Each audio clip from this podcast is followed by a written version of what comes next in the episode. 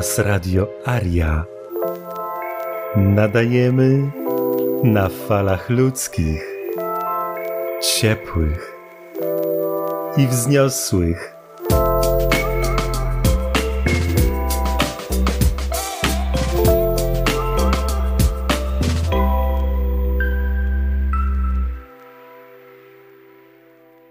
Rozdział dziewiąty. Trzecia fala ludobójstwa. Bóg tylko jeden nas przeżyje. Tylko On przetrwa otoczony powszechną rzezią mężczyzn, kobiet, dzieci. Modlitwa do nieznanego. Tadeusz Karpeta jest unikatowym świadkiem historii żydobolszewickich rzezi Polaków w okresie panicznego odwrotu żydobolszewików po napaści Niemców na ich niedawnych wspólników żydosowieckich, urodzony w 1919 roku w Szydłowcu, w nawiasie Kieleckie. W 1996 roku przesłał mi swoje dramatyczne wspomnienia z Włodzimierza Wołyńskiego, gdzie zastała go wojna niemiecko-bolszewicka. Jej wybuch uratował mu życie.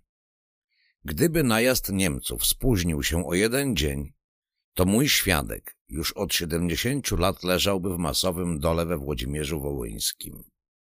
Jego przypadek wpisuje się w całkiem aktualne poszukiwania ofiar bolszewickich rzeziu we Włodzimierzu Wołyńskim, prowadzone przez profesora Andrzeja Kolę z Instytutu Archeologii Uniwersytetu Mikołaja Kopernika w Toruniu. Kierował on pracami archeologiczno-ekshumacyjnymi w osławionej bykowni koło Kijowa. Kierował także próbą ekshumacji Żydów w Wiedwabnem, przerwanej na rozkaz ówczesnego prokuratora generalnego Lecha Kaczyńskiego z polecenia rabinów. Co do wykopalisk we Włodzimierzu Wołyńskim, profesor Kola tak uściślał okoliczności i miejsce zbrodni sowieckiej. Cytat. Kilka tygodni temu przeprowadziliśmy rekonesans na tak zwanym Grodzisku Kazimierza Wielkiego we Włodzimierzu Wołyńskim, gdzie ukraińscy archeolodzy odkryli sześć masowych grobów ofiar wymordowanych przez NKWD. Na podstawie bardzo pobieżnych oględzin można stwierdzić, że są tam głównie, a może wyłącznie, szczątki polskie. Wszystko wskazuje na to, że część ofiar mogła być rozstrzelana bezpośrednio nad mogiłą, o czym świadczyłyby chaotycznie ułożone ciała.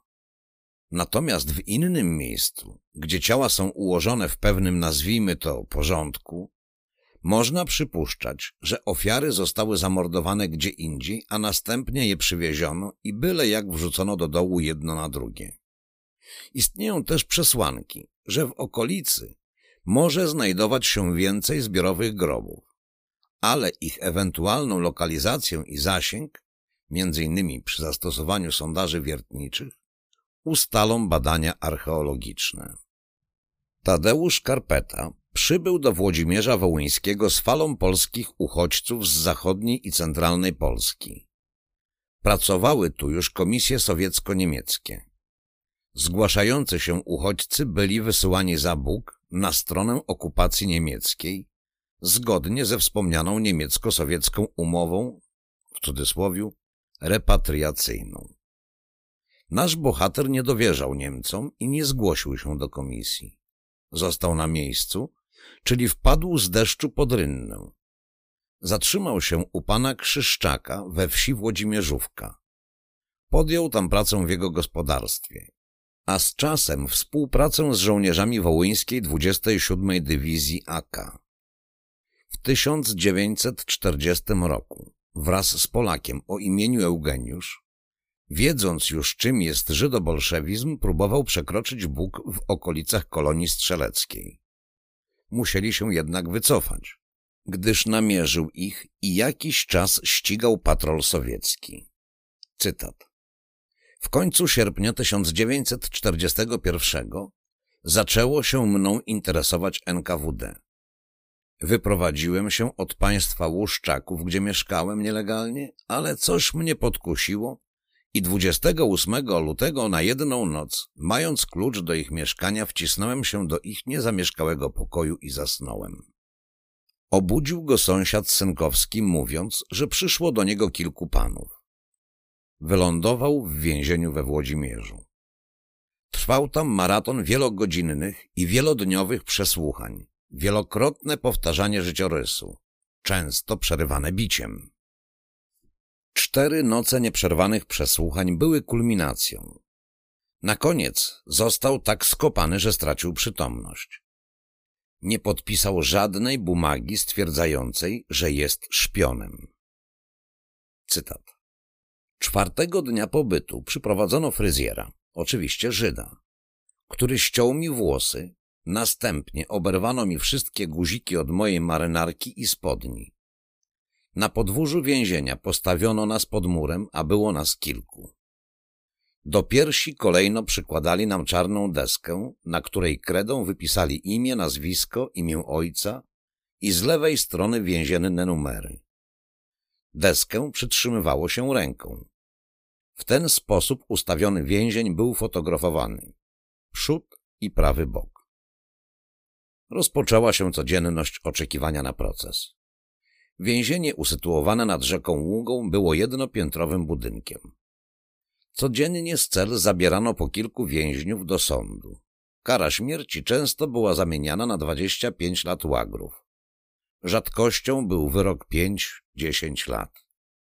Stan celi wynosił od 70 do 80 ludzi, bowiem od maja i czerwca stale przybywali nowi więźniowie, ale nikt nie wiedział, gdzie się podziewają poprzedni. Cytat. Po apelu wieczornym wartownik wywołał więźniów na literę K. Wręczył im akty oskarżenia i wezwanie do sądu na 23 czerwca 1941 roku. W aktach było udowodnione, udowodnione w cudzysłowie, że jestem szpiegiem, bezpaństwowcem bez stałego miejsca zamieszkania. Jako szpieg zostałem skazany na karę śmierci. I oto 22 czerwca 1941 roku o godzinie trzeciej, czwartej rano słychać było świst pocisków armatnich, ale nie słychać było wybuchów. Rano nie ma pobudki. Godziny płyną. Kucharz i wartownik mają na ramionach gasmaski. Wartownik, który otworzył celę następnego dnia, wyprowadził czternastu do ubikacji. Wtedy usłyszeliśmy potężny warkot samolotu i wybuch bomby. Wstrząs przewrócił nas. Siedzimy na posadce. Nikt nie otwiera drzwi. Cisza trwała około godziny. Nagle na korytarzu rozpaczliwy krzyk. Grażdanie, spasajcie żyźń! Uznajemy to za prowokację NKWD. Po jakimś czasie krzyki się nasiliły. Walimy w drzwi. Wszyscy więźniowie już na korytarzach, a zatem straż więzienna uciekła. Wyrwaliśmy drzwi. Wyglądam przez okno. Pod krzakiem porzeczek leży rower, obok żołnierz z nogami wyrzuconymi na krzak. Pobiegłem w stronę roweru. Patrzę w bok i widzę, że tam, gdzie stał budynek mieszkalny naczelnika więzienia, jest tylko wielki dół po bombie. Wszyscy opuściliśmy więzienie około godziny dziesiątej. Nazajutrz, 24 czerwca, poszedłem do miasta i do więzienia. Udałem się na piętro do izby przesłuchań. Na stole leżały szklane klisze zdjęć więźniów. Odszukałem swoje zdjęcie i zabrałem ze sobą. Na dziedzińcu byli jacyś ludzie. Stali nad dużym dołem. Wtedy z za stodoły wychodzi dwóch oficerów niemieckich i kilku cywilów. Wśród nich dobrze mi znany doktor Turowicz i Włodzimierz Pryłuski, elita ukraińska. Niemcy przyprowadzili ludzi z łopatami i zaczęto odkopywać ziemię z dołu. Pod warstwą ziemi znajdowało się około pięćdziesięciu ciał. Wydobywali zwłoki, a Niemcy i cywile oglądali je. Każda ofiara miała postrzał w tył głowy. Wśród zwłok poznałem czterech więźniów. W sumie naliczono siedemdziesiąt dziewięć zwłok. Stojąc tak nad nimi pomyślałem, co by było ze mną, gdybym miał rozprawę w piątek lub w sobotę przed wybuchem wojny? Leżałbym między nimi. Trzeciego dnia nowa władza ukraińska urządziła uroczysty pogrzeb ofiar z asystą duchowieństwa prawosławnego, kilku oficerów i kilkunastu młodych lotników niemieckich jako warta honorowa.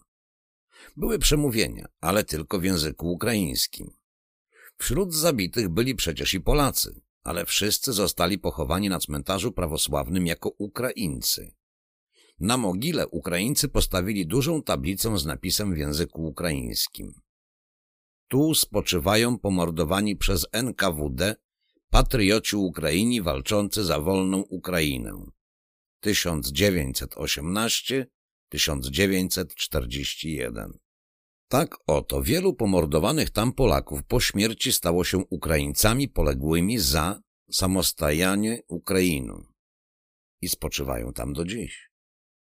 Oto niektóre przypadki masowych rzezi Polaków po napaści Niemców na Judeo-Bolszewię. Lwów. Część więźniów lwowskich więzień ewakuowano w pieszych kolumnach w kierunku Moskwy. Słabszych zabijano w marszu.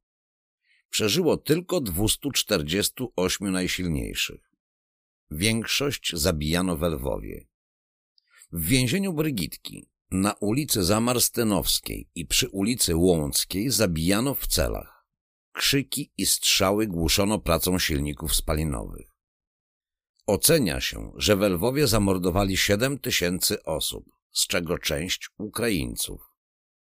Niemieckie szacunki tej rzezi są ogólnikowe, liczby mniejsze, a liczone pobieżnie. W obawie przed epidemią od rozkładających się zwłok. Od kilkudziesięciu do kilkuset rozstrzelanych w więzieniach z miejscowości lwowskich, w tym także Ukraińców, zostali wycofujący się NKWdziści w Drochobyczu, około dwóch tysięcy, Borysławiu, kilkudziesięciu, Bubrce, kilkudziesięciu, Drochomilu, około pięćdziesięciu, w nawiasie w Szybie, Przemyślu i okolicach, około dwa tysiące, Połowę z tej liczby Ukraińcy zidentyfikowali jako swoich. Rudki – dwustu. W Rudkach mieszkańcy tej miejscowości zostali rozstrzelani przez NKWD za pomoc udzielaną więźniom w ucieczce. Sambor – 500 osób zamordowanych w celach więziennych. Sadowa Wisznia – 70. Szczerec – 30. Województwo Stanisławowskie Stanisławów 1500. Kilkuset więźniów zbiegło. Kałusza zastrzelono wszystkich więźniów, budynek spalono. Nadwórna część więźniów wyprowadzono do Bystrzycy i tam nad rzeką. Osiemdziesiąt osób. W tym kobiety i dzieci zabijali po cichu kolbami lub młotem uderzeniami w potylicę. Stryj od 150 do 200 osób. Województwo Tarnopolskie. Tarnopol około tysiąca osób, w tym więźniów ukraińskich. Brzeżany kilkuset więźniów. Zabijano przez kilka dni. Zwłoki wrzucano do rzeki Złotej i Lipy. Czortków wyprowadzono kolumnę więźniów. Na trasie do Homla większość zastrzelono. Pozostałych kilkuset wieziono koleją w ścisku i upale. W jednym z wagonów liczącym 135 osób 35 zmarło. Więźniów pozostawionych w więzieniu zamordowano. Za miastem zamordowano kilkunastu dominikanów w klasztorze. Kamionka Strumiłowska 20 osób. Zaleszczyki. NKWD upchnęło do wagonów towarowych nieustaloną liczbę więźniów. Oblano je benzyną i na moście na Dniestrze wysadzono w powietrze wraz z mostem. Złoczów.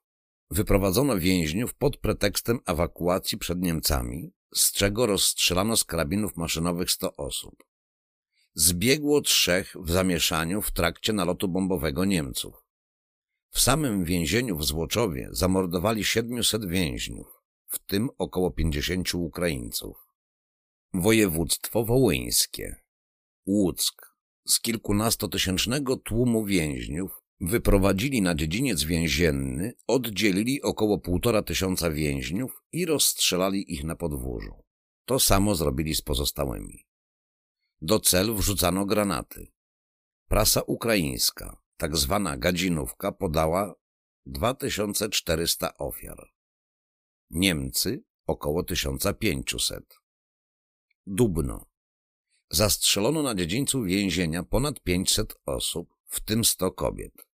Niemcom udało się ująć morderców NKWdzistów. Krzemieniec. Według polskich relacji zabito kilkuset więźniów. Pobieżna ekshumacja naliczyła 100-150 ciał. Równe. NKWD rozstrzelało w więzieniu 80 osób. Włodzimierz Wołyński. Mamy tu informację czerwonoarmisty Długodworowa z plutonu 233 Pułku Konwojowego, zamieszczoną w książce Drogi Śmierci, w nawiasie Karta 1995. Cytat. Około 11 rano, na rozkaz dowódcy plutonu, otwarto ogień z karabinów ręcznych i maszynowych do uciekających więźniów. W rezultacie wszystkich więźniów rozstrzelano. Ale ta relacja nie może dotyczyć wszystkich więźniów, bo przeczy temu relacja Tadeusza Karpety. Nagły atak samolotu niemieckiego zniszczył budynek komendanta więzienia. Straż uciekła. Więźniowie rozbili drzwi i zbiegli. Relacja długodworowa może dotyczyć kolumny więźniów, których zamordowano w trakcie marszu. Może to wyjaśnić trwająca obecnie, w nawiasie 2011 rok, z przeszkodami ze strony władz miasta ekshumacja mogił. Województwo Poleskie Brześć Twierdza wraz z Niemcami została zdobyta nagłym atakiem Niemców. Pińsk W koszarach 84 Pułku Strzelców Poleskich Niemcy odkryli zamurowaną celę pełną ciał. Chorodyszcze NKWD mordowało jeńców w okolicznych lasach. Liczba nieustalona. Białystok. W Zalesianach NKWD zastrzeliło kilkudziesięciu uciekinierów z więzienia białostockiego. Augustów.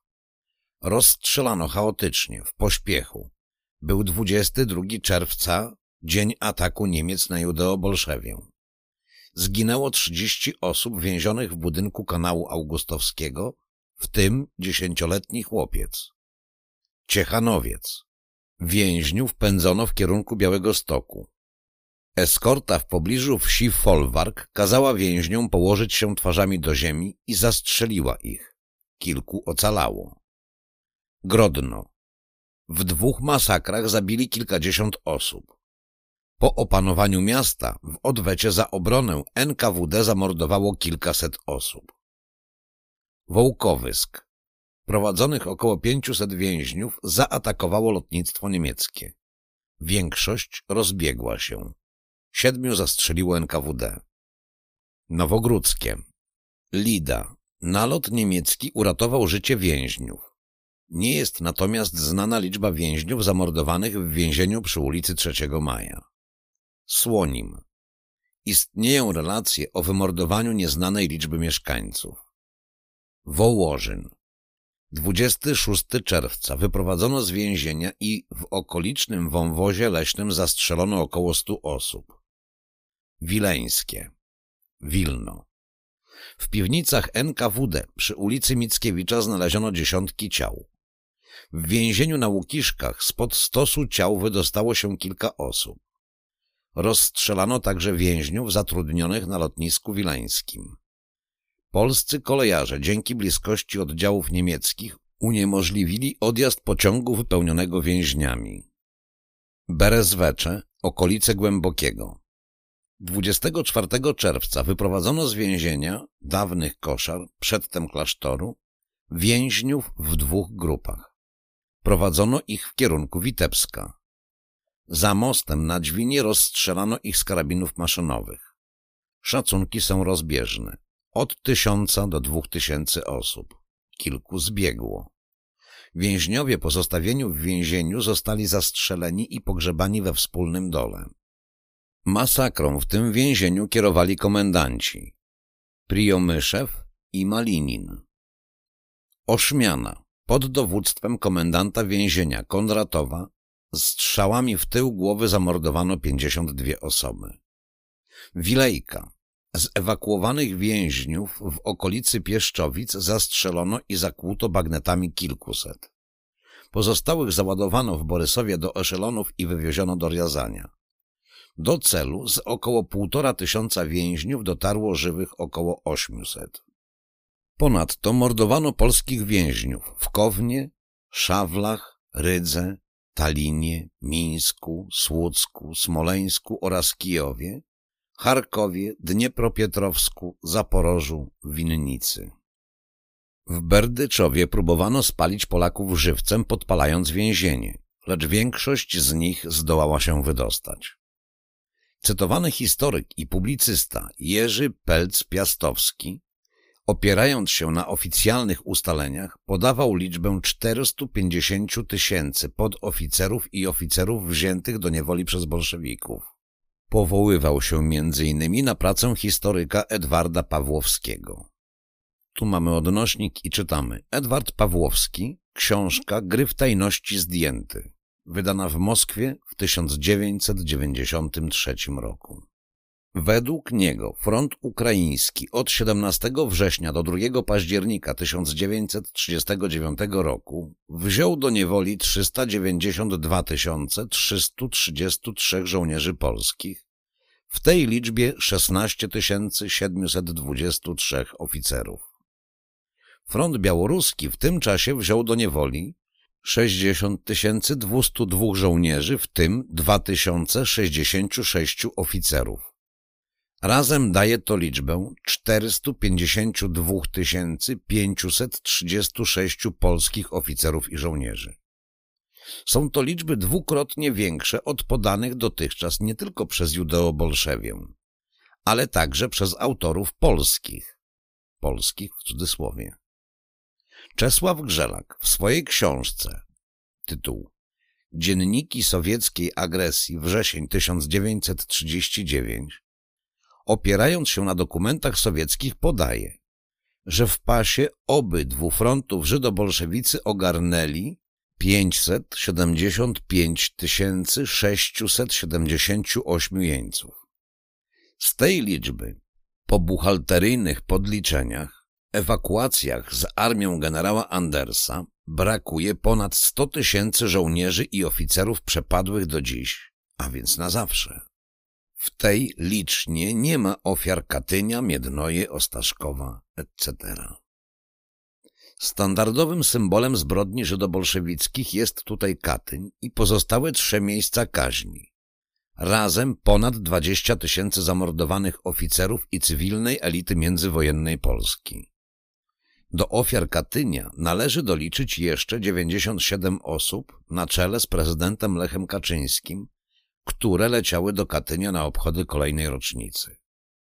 A kiedy rząd polski, polski w cudzysłowiu, może w przyszłości naprawdę polski, a nie kryptożydowski, zacznie się upominać o losy tych brakujących stu tysięcy żołnierzy i oficerów.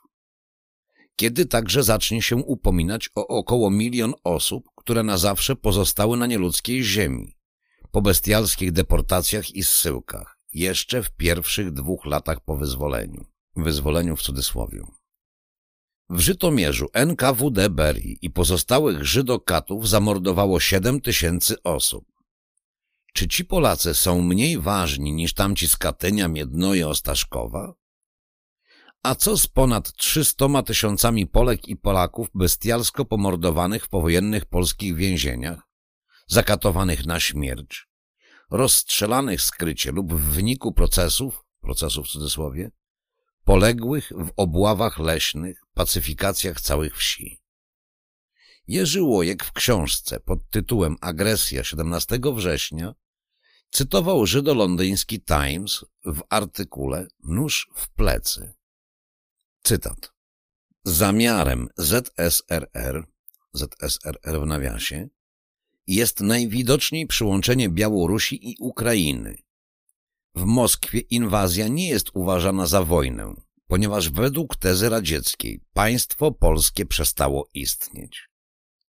Ale ten sam Times w tym samym numerze zauważył, że w dniu agresji połowa terytorium Polski wciąż znajdowała się w rękach polskich. Brytyjskie mapy wskazywały, że linia frontu polsko-niemieckiego biegła od Grajewa przez Łomżę, Półtusk, Modlin, Kutno, Łęczyce, Skierniewice, Górę Kalwarię, Radom, Sandomierz, Rzeszów i Przemyśl aż do granicy węgierskiej. To była połowa państwa polskiego. Czyżby więc 17 września państwo polskie już nie istniało? New York Times pisał z oburzeniem, które jednak szybko zostało spacyfikowane przez amerykańskie żydostwo skumane z judobolszewią już od chwili wybuchu I żydowskiej wojny światowej. Cytat. Rosja sowiecka porwała część łupu, której Rzesza nie mogła spożytkować. Przypadła Rosji, w nawiasie, nie Rosji, tylko judo-bolszewi, od Henryka Pająka ten wpis, szlachetna rola hieny u boku niemieckiego lwa. New York Times, w nawiasie własność szifów, nazajutrz po żydobolszewickiej agresji jeszcze zdążył wydalić z siebie następujące podsumowanie. Cytat. Wszystko stało się wreszcie jasne. Hitleryzm jest brunatnym komunizmem, stalinizm czerwonym faszyzmem.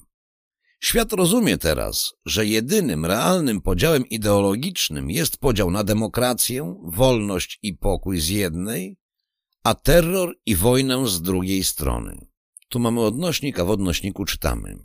Dokładnie tak, jakby już wtedy znali zeznania Krystiana Rakowskiego na Łubiance w styczniu 1938 roku. A było przecież to niemożliwe. New York Times istnieje do dziś i wydala z siebie pouczające morały o niezrównanej zachodniej demokracji. Nie może tylko zauważyć, że od zakończenia wojny Stany Zjednoczone napadły ponad 50 razy na wolne kraje, których jedyną winą było to, że były słabsze. Kto więc był tutaj hieną lub lwem? Przenośnię amerykańskiego Timesa o sowieckiej hienie z furią zaatakował Lloyd George, kryptożyt ziejący zoologiczną, w cudzysłowie zoologiczną, nienawiścią do Polski już od czasu I żydowskiej wojny światowej.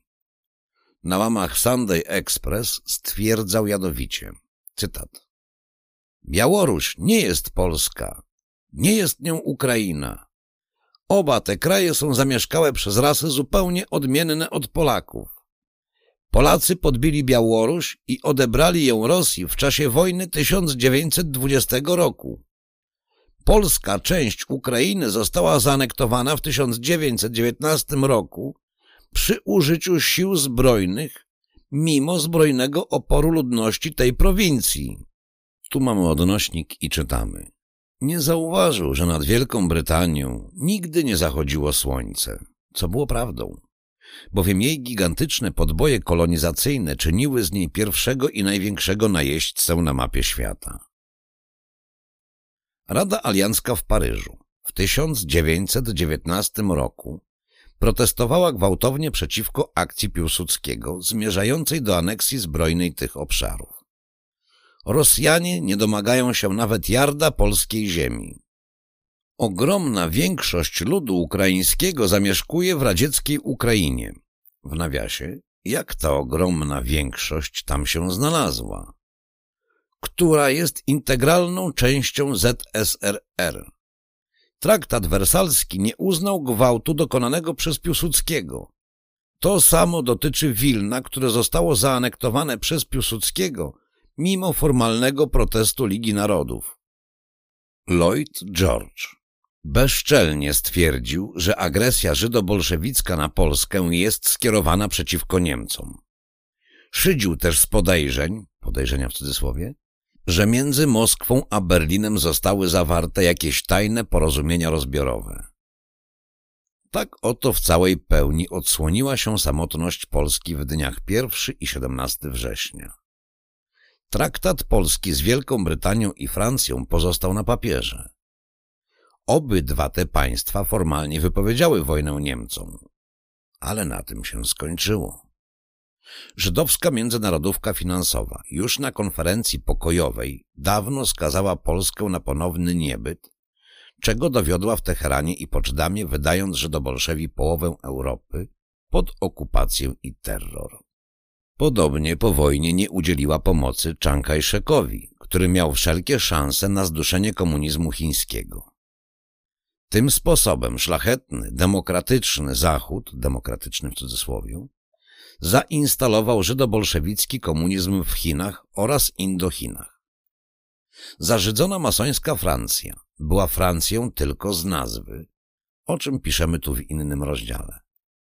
Żydostwo rządzące tym krajem ani myślało występować czynnie przeciwko swoim pobratymcom z judeo-bolszewi. Plemienny solidaryzm żydostwa miał dwa imiona zdefiniowane przez Krystiana Rakowskiego w jego zeznaniach. Międzynarodówka finansowa i międzynarodówka komunistyczna. Ludobójcza pętla żydobolszewizmu zacisnęła się na powojennych resztkach Polski na 40 lat z okładem. Koniec rozdziału. Rozdział dziesiąty zatytułowany jest Czwarta fala ludobójstwa na Polakach.